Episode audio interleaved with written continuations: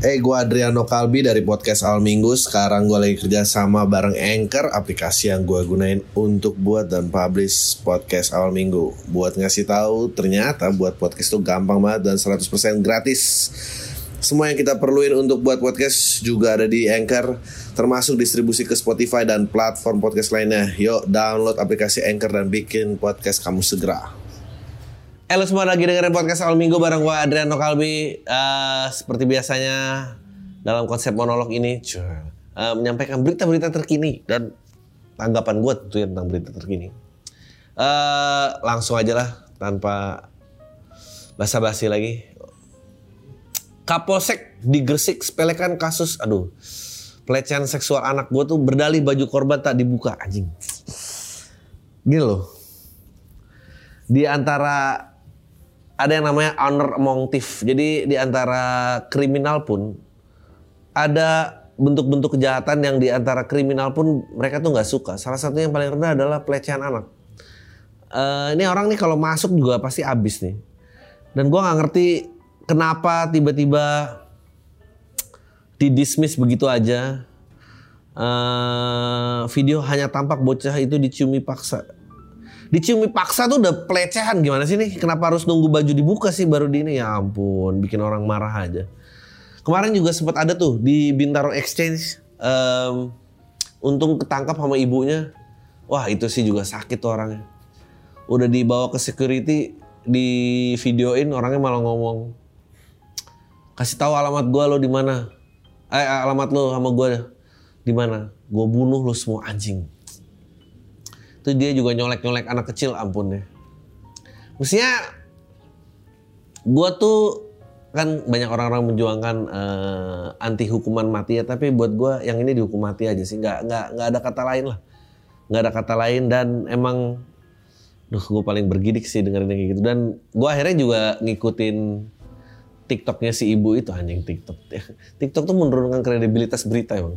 Tapi gue ngikutin dan aduh orang ini sakit banget. Semoga dia nggak dilepas sih. Semoga dia ini dan kayaknya nih semoga ya ini di, Gresik ya. Itu Bintaro Excess gue kira tadi kasus yang sama tapi ya menurut gue gitu sih. Tembak mati aja lah nggak apa-apa. Udah gitu ada foto dia lagi ditangkap terus dia bilang uh, bapaknya bilang lihat ya pak. Dia mukul saya duluan kan dua kali bapak lihat kan. Ya. Soalnya lu yang ngejar gue duluan. Anjing ya lu salah bego. Anjing itu kalau gue sih udah pukul-pukulan tuh pasti gue di situ dibunuh. Udah dibunuh detik itu juga. Ah, Oke, okay. yang berikut ya ampunin lagi. Bu Mega, sudah waktunya berhenti bicara hal yang Anda tak mengerti. Gimana sih? Ini gara-gara candaan Megawati ya yang bilang ke anaknya, e, awas kalau nyari pasangan jangan kayak tukang bakso. Lalu semua tukang bakso tersinggung. Sebetulnya gue rasa banyak orang tua yang menasihati anak-anaknya seperti itu. Tapi emang bedanya nggak viral aja. Dan yang ngomong itu mantan ibu presiden. Jadi kan bisa aja sebetulnya. Gue juga mau ngomong ke anak gue jangan cari pasangan kayak tukang bakso. Tapi karena mantan presiden yang ngomong, jadi nggak tahu konteksnya apa. A apa sih jangan cari? Gue tuh sampai mikir kayak jangan cari pasangan tukang bakso. Anaknya mau nyapres, nyari pasangan, jangan pilih yang tukang bakso. Dan gue melihat wajah-wajah kandidat yang kira-kira bakal menjadi calon presiden kita nanti, kayaknya nggak ada yang kayak tukang bakso. Siapa yang kayak tukang bakso? Nggak, tapi emang si ibu mantan presiden ini kerap viral ya. Maksudnya kayaknya beliau nih jangan-jangan paham akan sosial media. Mulai dari pada saat harga minyak goreng naik, dia bilang bukan membantu menurunkan harga minyak, malah bilang ibu-ibu emang kerjanya hanya menggoreng saja ya ampun. Sebetulnya dia itu sedang membela SJW SJW feminis, tapi emang kayaknya feminis nggak mau temenan sama dia. Ini emang beratnya jadi feminis karena menurut gue susah maju feminis itu karena mereka member aja masih pilih-pilih. Itu kalian tuh nggak kompak-kompak. Padahal dia tuh bener loh. Kalau lu ganti narasinya dengan bahasa Inggris dan sering dibawakan tuh papan protesnya dalam protes-protes feminisme, women does not belong in the kitchen itu kan selaras sebetulnya pada saat harga kenaikan minyak goreng dia bilang ini ibu-ibu emang kerjanya mau goreng saja ya tapi karena dia yang berbicara ah gue tuh selalu ngebayangin kalau dia ada ikutan marching dalam membela hak-hak wanita, kayaknya nggak ada yang mau berdiri bareng sama dia. Kasihan banget anjing. Dihina kaumnya sendiri, gimana ya urusannya? Gue nggak ngerti juga konteks bercandaan yang nggak ngerti kayak apa gitu, joknya apa. Oke. Okay. tapi sekarang ini, oke, okay, dia bilang, tapi sudah banyak loh sekarang yang mulai blending menjadi Indonesia banget. Betul rambutnya keriting karena kan Papua itu pesisirannya itu kan banyak pendatang. Sudah berbaur lah. Nah maunya saya begitulah anjing. Jauh banget ya yang lo maksud. Coba kita baca beritanya. Bu Mega melanjutkan dan isi pidato berikutnya memicu polemik di media sosial. Tapi bukan apa maksud saya manusia Indonesia ini kenapa kan bineka tunggal ika ya. Jadi harus berpadu bukan hanya dari sisi fisik dan perasaan tapi juga apa ya itu tadi rekayasa genetika wah edan maaf ya, sekarang dari Papua, Papua itu kan hitam-hitam. Maksud saya begini loh, waktu permulaan saya ke Papua, saya tuh mikir, loh kok aku dewean, yo makanya aku dewean. Dewean kenapa? Kulitnya beda sendiri anjing. Ya lu ke Papua, lu kok, aduh. Gue tuh kadang mau membela ya, tapi mencari pembelaan dari ucapan beliau ini sangat sulit. Gimana coba? Dan dia meluruskan bahwa uh, maksudnya tuh seru berbaur kan udah bercampur semuanya ya ampun dan dia bilang dan judulnya sudah waktunya bicara hal yang anda tidak mengerti. Ini tuh perintah apa ucapannya Bu Mega sih sebenarnya? Susah lah. Gue tuh berharap ya, gue berharap ini harapan gue. Setelah Pilpres 2024, akhir ntar kita Pilpres lagi di 2029, gue berharap orang-orang lama ini udahlah, nggak usah ada aja. Gue masih apa memegang teguh pendapat gue. Kalau misalnya di Indonesia life expectancy itu adalah 70 tahun. Oke, okay? orang meninggal rata-rata umur 70 tahun. Yang sudah hamin 10 tahun itu udah nggak usah ikutan lagi lah. Nggak usah nggak usah nyapres, nggak usah pemilu, nggak usah karena gimana mau bikin keputusan yang benar kalau mereka pun juga nggak ada gitu nantinya. Kan mendingan udah out aja itu harus jadi peraturan. Jadi kita 17 sampai 60 aja udah sisanya nggak usah. Karena bikin-bikin keputusan ntar yang masih hidup lebih lama gitu yang susah gitu. Yang lain kan enak udah tua tinggal nunggu matinya aja. Yang muda-muda ini loh yang menderita. Ini kan semua dirasakan pada saat uh, Brexit uh, waktu Brexit keluar dia Ya yang tua-tua maunya udah di rumah aja nggak ada gue sih nggak mau lihat ras lain negara gue lah lah lu ngomong gitu tapi anak muda yang lagi terima beasiswa di negara lain dan di pekerja di tempat lain lu juga uh, mengambil pekerjaan uh, orang-orang dari luar negeri. Itu kan masa depannya mereka gitu. Anda nih yang udah tua-tua mending udah diem aja di rumah. Diem di rumah. Nggak usah lah lihat sosial-sosial media. Karena anak muda aja anxious, apalagi orang tua yang hidupnya dulu dengar berita dari radio gitu pasti kaget dengan banyaknya informasi. Jadi jadi udah matiin aja handphonenya. Di kita emang harus bikin sih menurut gue kayak taman khusus orang tua. Jadi mereka tuh bisa kumpul dan cari temen. Nggak usah lah ngurusin lagi dunia anak muda, nggak usah. Jadi gue harapannya 2029 itu udah nggak ada lagi pemain-pemain lama meskipun pemain bibit baru pun juga sama mengecewakannya. Jadi gue gue gak tahu siapa yang ditunggu. Uh, PSI ingin menguru, uh, mengusung Niji tapi terus cabut tapi ngapain diusung? Mungkin gue nggak tahu sih. Tapi siapa ya? Tokoh anak muda tuh siapa? Gue juga bingung sih kehabisan tokoh pasti. Pasti either anaknya mantan presiden lah atau apa itu gue juga bingung. Mungkin gue kemarin sempat tanya sama Oza Zak siapa Zak? Musisi yang kira-kira bisa menyatukan generasi lu. Gue dulu ada Iwan Fals. Dulu ada Ahmad Dhani meskipun kayaknya kebagi dua.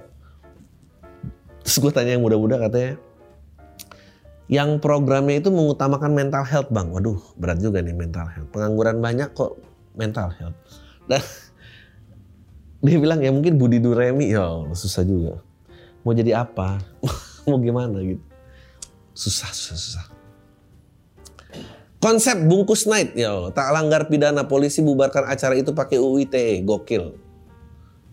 Hamilton Spa and Massage mendadak populer setelah postingannya sukses bikin akhir minggu netizen ramai. Geria pijat yang berlokasi di Kebayoran Baru Jakarta Selatan menjadi perbincangan gara-gara mengunggah poster acara dengan nama fantastis Bungkus Night volume 2. Ya ampun. Tagline-nya tak mau kalah.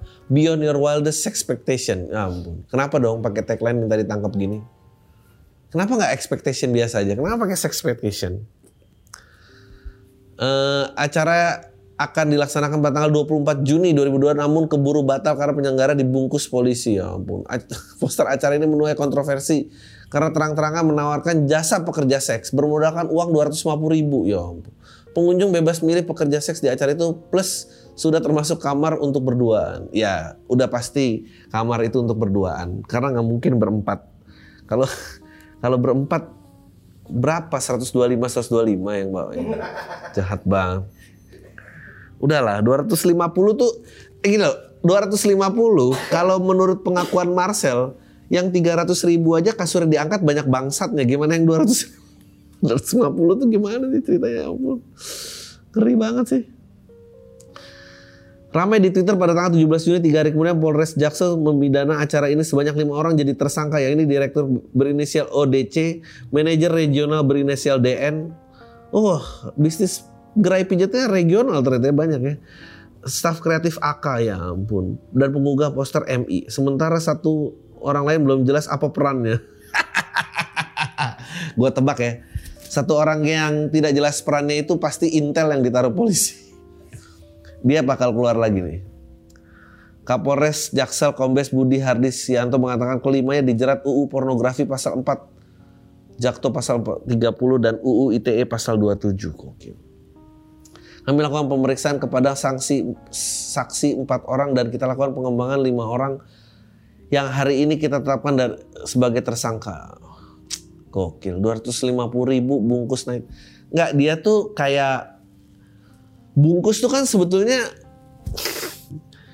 istilah jargon-jargon orang-orang yang pergi ke bar untuk hunting lalu pasangan orang yang ditemui dibungkus dibawa pulang gitu kan. Dan it, bungkus tuh sebetulnya uh, modalnya speak dan minuman gitu. Tapi kalau udah bayar di awal itu mah bukan bungkus. Ini namanya showing anjing, tahu lagi showing. Uh, anjing aneh banget ini. Ini gue yakin yang satu Intel ini. 250 ribu bro, sedih banget ini. Serem ya. Gue tuh, gue tuh, gue tuh menentang human trafficking. Jadi ini semoga, aduh, bukan korban-korban human trafficking juga yang ada di sini. Nah, emang paling kasihan tuh kalau ketahan tuh kalau direktur, manajer oke okay lah. Yang kasihan tuh staff kreatif dan pengunggah poster ya Allah. Mengunggah poster tuh kalau di kantor sini sih anak magang ya gitu. Jadi kasihan banget kalau anak magang nggak tahu apa-apa itu dibawa ke polsek. Ya ampun. Lagi juga kok cari magang di tempat pijet gitu. Bilang apa sama kampusnya. Padahal belum pasti anak ini. Nih. Yang ini, wah ini dia. Izin usaha seluruh Holy Wings di Jakarta resmi dicabut. Gokil, gokil. Pemerintah Provinsi Pemprov DKI Jakarta secara resmi mencabut izin usaha seluruh outlet Holy Wings yang ada di Jakarta. Ini gara-gara promo minuman yang bernama uh, Muhammad dan Maria gratis gratis botol apa apa botolnya jadi murah gitu. Gini loh. Sebetulnya sebetulnya kontroversi dari nama tersebut adalah karena biasanya yang punya nama-nama itu orang tua orang tuanya atau orang rumahnya nggak tahu kalau dia tuh minum. Jadi takut kalau dipanggil sebetulnya. Kan nggak enak ya bawa nama gitu tapi terus ternyata minum-minum. Dan ini enam orang diperiksa Hotman Paris sekarang lagi soan-soan ke MUI ngomong-ngomong minta maaf. Uh, tapi ini teori konspirasi gue teori konspirasi gue adalah sampai 2024 semua isu agama akan disebar. Semua isu agama disebar uh, dan itu akan jadi mapping mapping uh, oleh pihak-pihak yang ingin memanfaatkan mobilisasi ekstremis ekstremis itu bisa digunakan apa enggak. Dan ini uh, dan ini terencana uh, dan ini sistematis Uh, jadi mestinya semua gue sih berharap yang denger ini paling nggak nggak terpancing dan nggak ikut meramaikan. Karena ini problemnya. Problemnya itu pada saat ada kasus rendang babi, yang merasa progresif cuma sibuk meramaikan kasus itu dan kasus itu jadi blow up gak karuanan.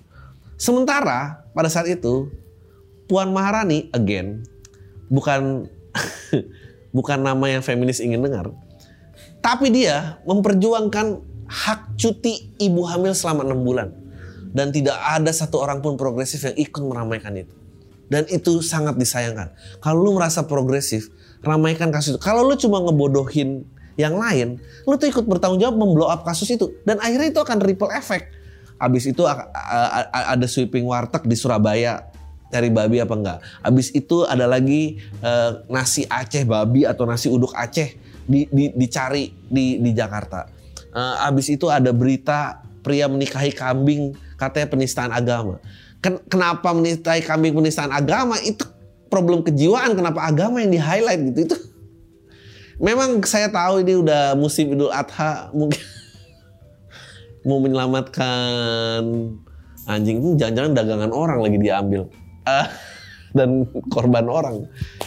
Menurut gue lo harus hati-hati yang merasa lebih progresif ramaikanlah kasus-kasus eh atau atau pergerakan-pergerakan yang yang baik untuk banyak orang sebetulnya kayak ibu hamil cuti enam bulan sih itu kasus orang konservatif dan orang uh, progresif ya. Udah mestinya itu di, diramaikan gitu.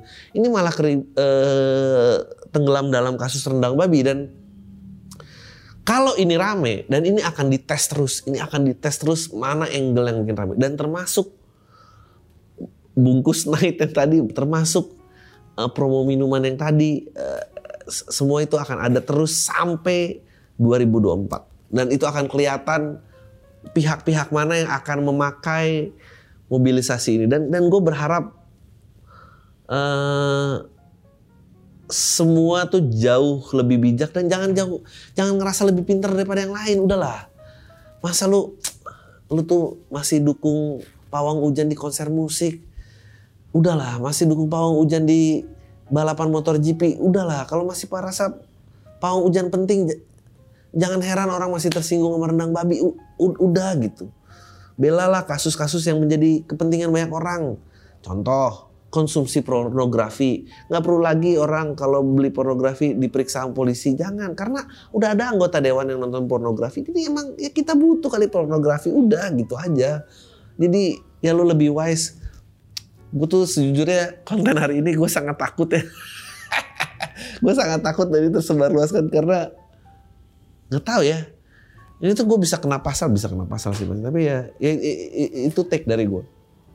Please uh, teliti kalau lo mau meramaikan sesuatu. Terlepas uh, apa? Terlepas menurut lo ini tuh bodoh apa enggak? Kalau lo cuma sibuk ngebodoh-bodohin orang, ntar yang bagus juga nggak akan ada yang ngeramein. Percaya sama gue. Iris kuping gue.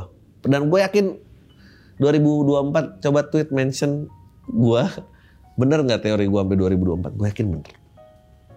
Oke, okay, let's get into the questions.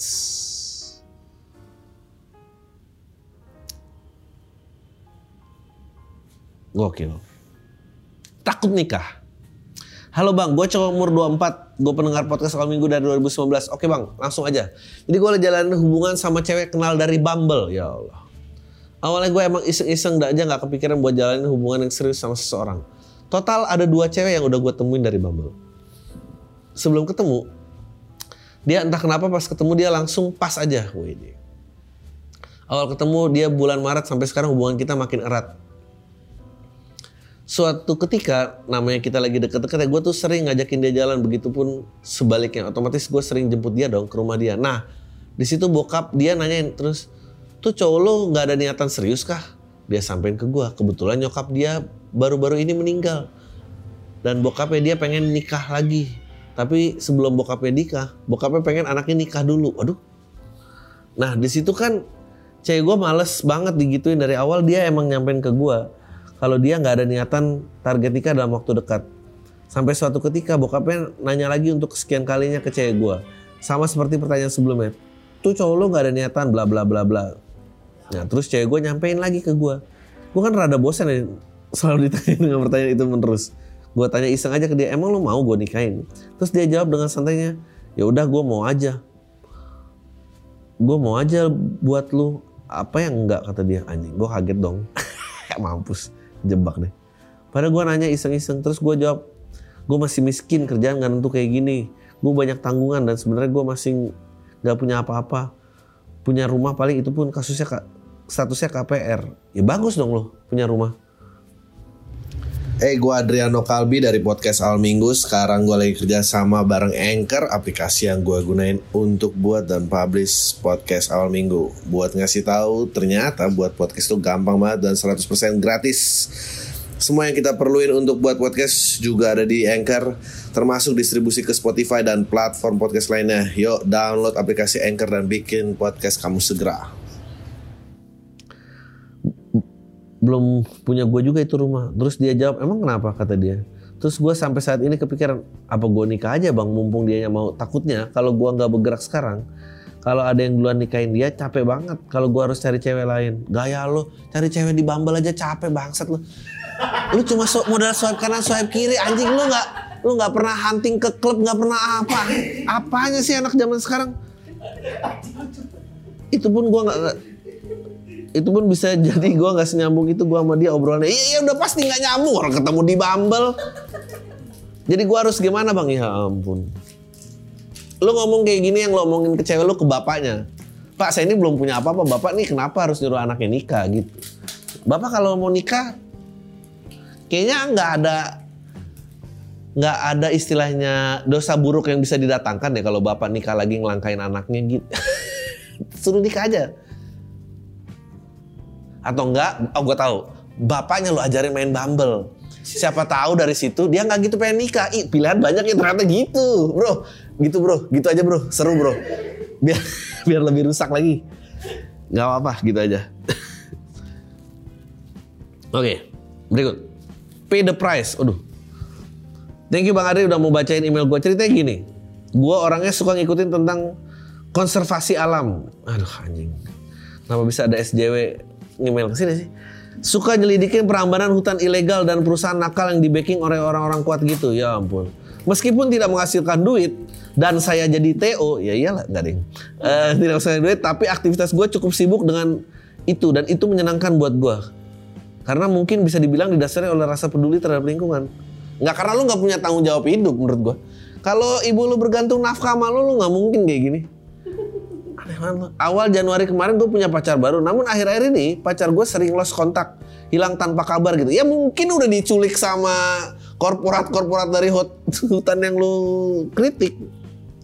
Mungkin bisa dibilang kenal tapi lebih tepatnya saling tahu aja. Hah? Di storynya itu di post chat WA bermesraan dengan cewek gitu. Gue perhatiin mirip dengan cewek gue. Langsung gue tanya dong, itu pacar lo ya bang? Terus dia bilang, Iya bang, emang kenapa? Terus gue jawab, enggak cuma mirip teman sekolah waktu SMP dulu. Setelah itu pembicaraan pun selesai. Gue nggak tanya nama ceweknya, tapi gue yakin 100% itu cewek gue. Padahal gue masih sayang-sayangnya. Mungkin gue salah satu, gue salah terlalu sibuk terhadap aktivitas gue terhadap konservasi lingkungan. Sampai nggak bisa memberikan waktu yang lebih banyak buat dia. Ya ampun. Pilih menyelamatkan alam apa melampiaskan nafsu? Uh, Bagaimana pendapat lo bang? Apakah ini pay the price dari kepedulian gue terhadap lingkungan? Uh, anjing aneh banget sih ditinggalin pacar tanpa kabar atau emang guanya yang tolol yang lo lo yang tolol sih menurut gue yeah. gini loh lo udah mengerjakan sesuatu yang tidak akan ada ujungnya dengan melawan korporasi-korporasi nakal di belakang hutan-hutan ini terus ya salah lo sendiri abis itu pacar lo diselingkuhin orang ya. sekali lagi terima kasih bang udah udah mau bacain email gue. Terima kasih juga pada Emily ngikutin Emily. Saya banyak belajar bagaimana ngekritik dan ngatain orang-orang kuat tanpa kena jeratan UITE. Saya belajar bagaimana tetap ofensif tanpa menyebut nama ya ampun. Saya terus untuk lubang. Semoga Pam nggak pernah cuti jaya terus Emily. Eh, uh, gua rasa sih eh emang pacar lu pernah komplain, eh kamu mau nyelamatin pohon mulu nggak nyelamatin aku emang gitu. Kalau dia nggak pernah komplain itu gue rasa bukan kesibukan lu isunya. Dia emang mau ada cowok lain aja.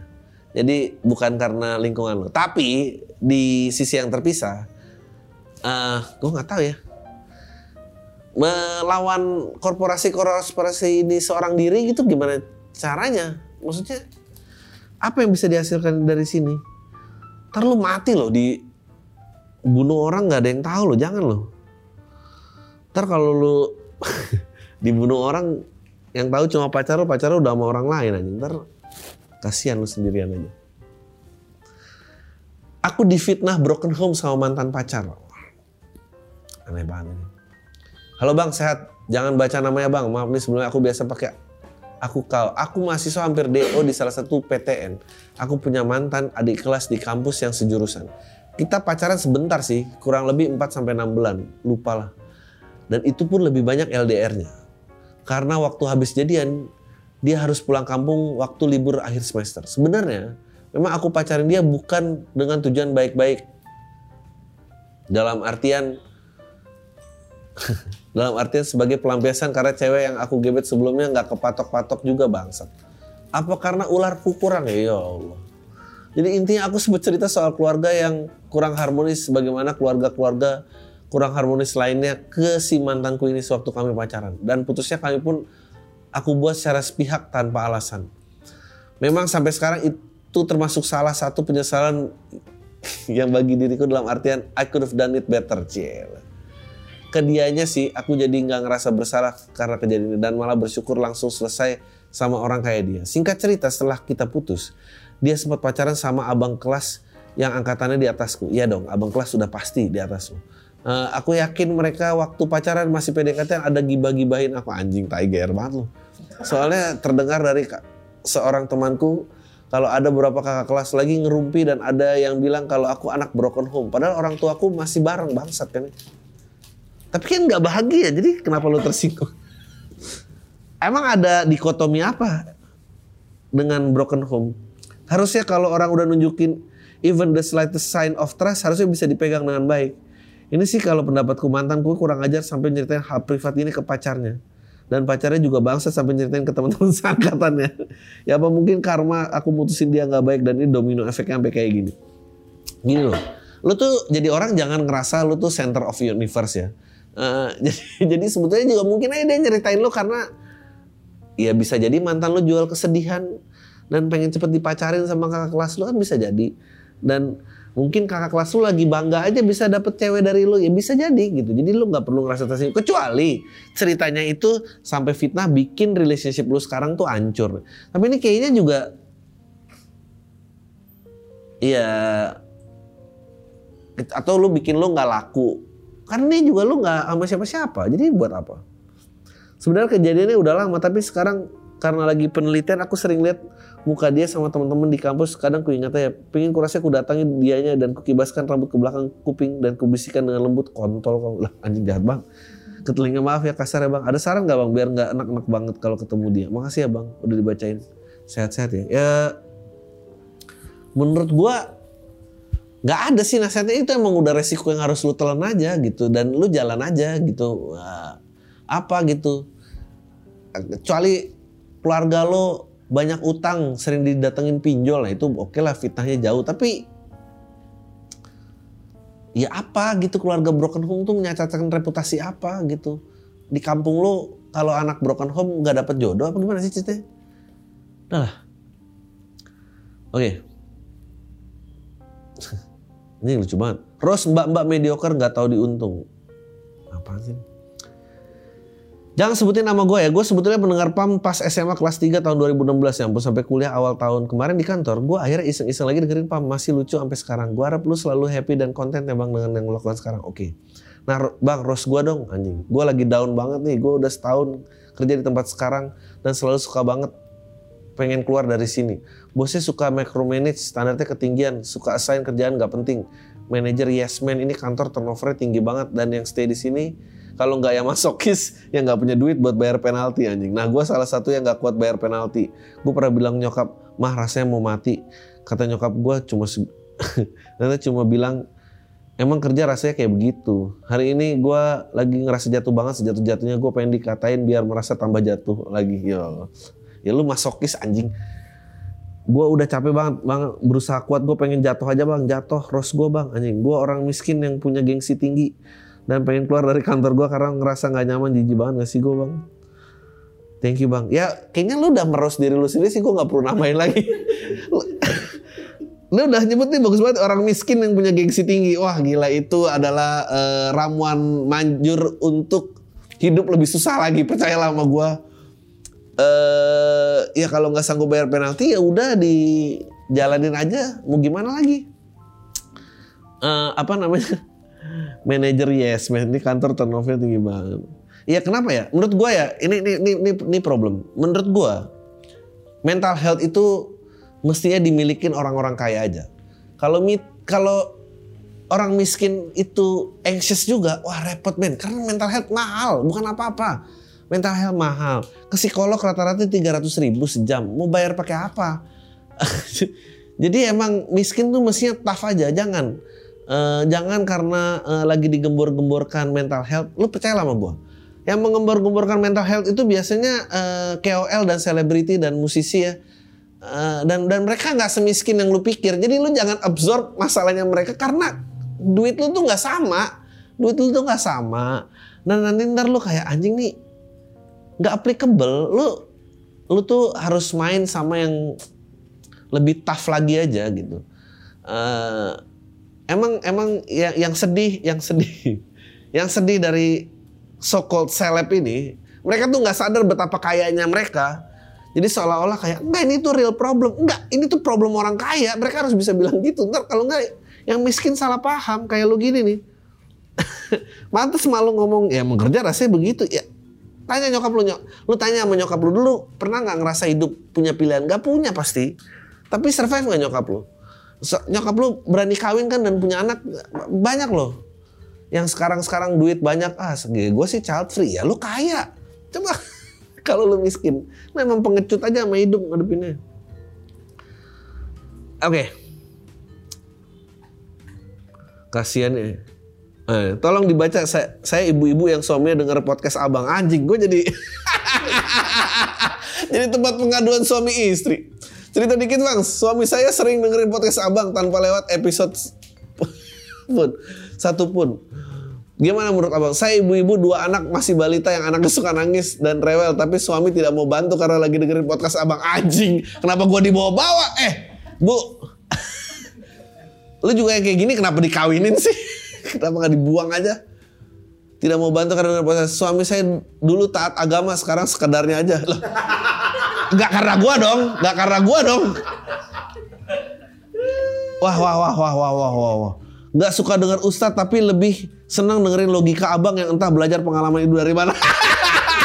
Wah anjing, eh gue nggak mau ya dicap gue melahirkan suami-suami seperti ini ya ampun. Sekarang hidup pakai logika, terus sekarang yang nyakitin hati istrinya dikasih tahu tapi dipatahin lagi lewat logika lainnya. Hah? Apa saran abang untuk ibu-ibu kayak saya bang? Kalau dosa jariah, jariah, semoga Allah ampuni abang dan suami saya.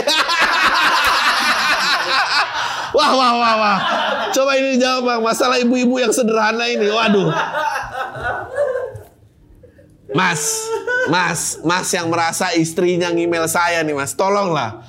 Kalau anak ngejerit ya bantu angkat.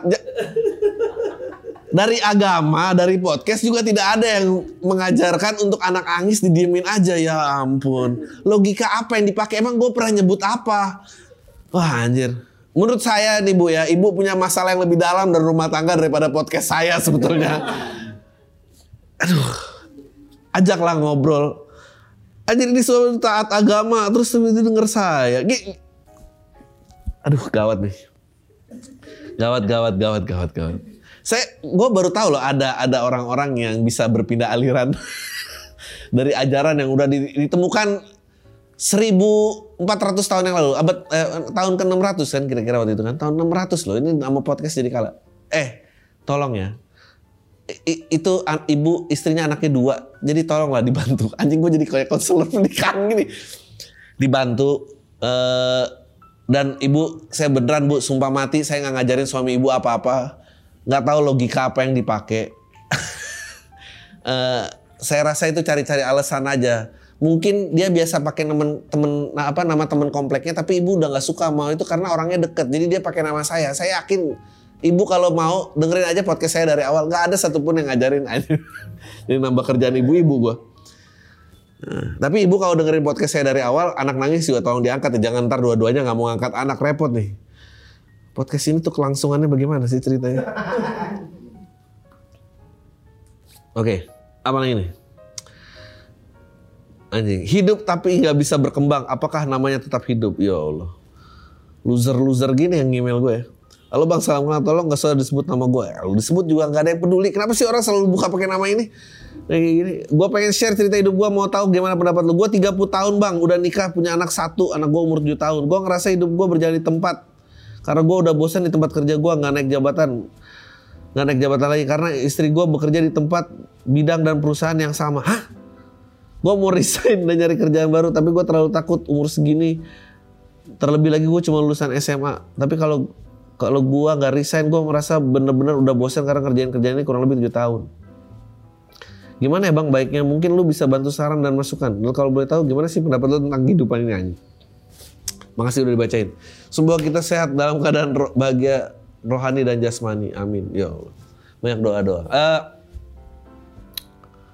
Enggak ini ceritanya jadi istri lu sekarang satu kantor dan jabatan lebih tinggi daripada lu. Ini dari dulu jabatan lebih tinggi apa lu kesalip? Kalau dari dulu jabatan tinggi menurut gua pujian dulu buat lu udah berhasil ngedeketin jabatan lebih tinggi satu kantor. Meskipun sekarang jadi jebakan ya. Em, kalau udah bosan menurut gua ya lu harus ngomong sama bini lu sih.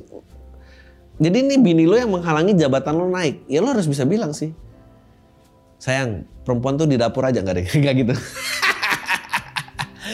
nggak ini harus dipilih harus dipilih kalau ternyata kalian di posisi yang sama harus dipilih sih kalau emang istri lu merasa kayak ya kan saya lebih dari sekedar ibu. Ya udah biarin aja dia kerja di situ dan lu harus bisa bilang eh gua kasih waktu ya dua bulan cari kerjaan eh, dan gua pengen mulai. Kalau nggak gua akan begini terus. Aduh. Kayaknya gue tahu deh lu tuh tipe-tipe yang di rumah kalah di kantor kalah. Kasian banget anjing.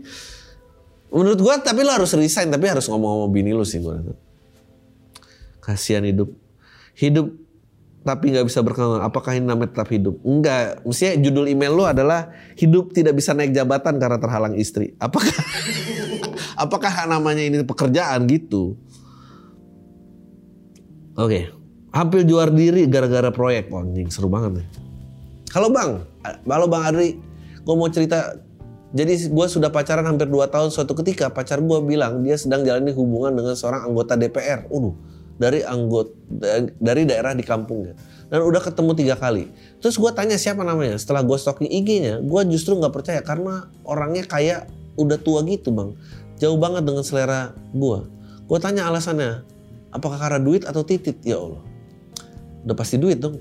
Dia bilang bukan, karena akhirnya kita ketemu dan dia mau jelasin gimana bisa kenal dengan orang itu. Jadi dia dikenalin sama saudaranya atas permintaan si anggota DPR ini. Yang katanya suka sama pacar gua. Waduh. Jadi sebelumnya dia dirayu sama saudaranya kalau mau dikenalin sama anggota DPR supaya proyek pembuatan jalan di kampungnya bisa berjalan dan nanti dia akan kebagian fee dari proyek itu. Ketemuanlah mereka bertiga di sebuah rumah makan gitu. Akhirnya kenalan, setelah kenalan minggu depannya si anggota DPR ini pesen jilbab dalam jumlah yang banyak. Di pacar gua kebetulan jualan jilbab. Yang katanya untuk acara di partainya, gokil. Setelah barangnya sampai, si anggota DPR ini minta barangnya diantar ke kamar hotelnya, gokil. Emang Shopee boleh naik hotel? sampai hotel ya? Sampai di kamar ya, setelah barangnya diserahkan, ada aja alasannya si bapak untuk nahan pacar gua. Barangnya disuruh hitung lah, nawarin makan buah lah, diajak duduk dulu lah. Sampai akhirnya pacar gua pamitan dan pada saat salaman pacar gua dipaksa mau dicium. Waduh, duh, duh, duh, duh, duh. Dan saat si bapak bilang suka banget sama dia dan akan ceraikan istrinya di kampung dan nikah sama dia dan akan dibelikan apartemen di Jakarta. Tapi pacar gua nolak. Nggak sampai di situ. Si bapak si bapak ini ngajak pacar gua pergi makan siang lah sekalian ketemu dengan orang-orang yang mau ngerjain proyek itu. Akhirnya mereka pergi berdua dengan mobil ke tempat makan itu. Setelah bertemu dengan kolega-koleganya tidak ada kejadian yang aneh-aneh lagi. Dan katanya sekarang proyek itu sudah jalan dan si bapak ini selalu minta ketemu. Tapi pacar gue nolak. Dan udah ngeblok semua kontak si bapak ini. Dan cewek gue juga sudah diblok sama bapak ini. Untuk informasi pacar gue ini agak oneng-oneng gitu bang. Uh, oneng-oneng itu gimana emangnya? Oh, blow on. Ya Allah. Dia pun sampai sekarang nggak sadar kalau dia itu secara tidak langsung sudah dijual sama saudaranya. Yang gue lebih aneh anggota DPR kenapa mau sama yang oning-oning? so, maaf ya anggota DPR. Nah, dia pun sampai sekarang nggak sadar gitu sama pacar. Yang gue salut sama pacar gue, dia berani cerita sama gue. Dia nggak berani kan dia oneng lo bilang tadi. Ini nggak pakai keberanian, dia emang polos aja. Lu juga kenapa pacarinnya begini sih? Gimana sih Tete? Pacar sendiri dikatain oneng. Padahal kalau dia nggak cerita sama gue, gue nggak akan tahu. Lo menurut lu gimana? Minta sarannya, Lord. Kira-kira gue mesti gimana supaya gue tahu yang diceritakan itu 100% benar atau masih ada bohongnya? Makasih Bang Adri. Menurut gue 100% benar karena dia polos. Dia polos. Uh, mungkin anggota DPR akhirnya ngeblok dia juga karena setelah ketemu, ih oneng ini. Jadi diblok aja. Uh, jadi ya bagus ya, tapi nggak apa-apa kalau emang ini selera lo dan bikin lo bahagia. Gue rasa pacar lo tulus. Jadi nggak usah lah terlalu khawatir. Keren lagi men, ada anggota DPR yang deketin tapi lo yang menang. Udah ya, itu dari gue. Tai lu semua. Deh.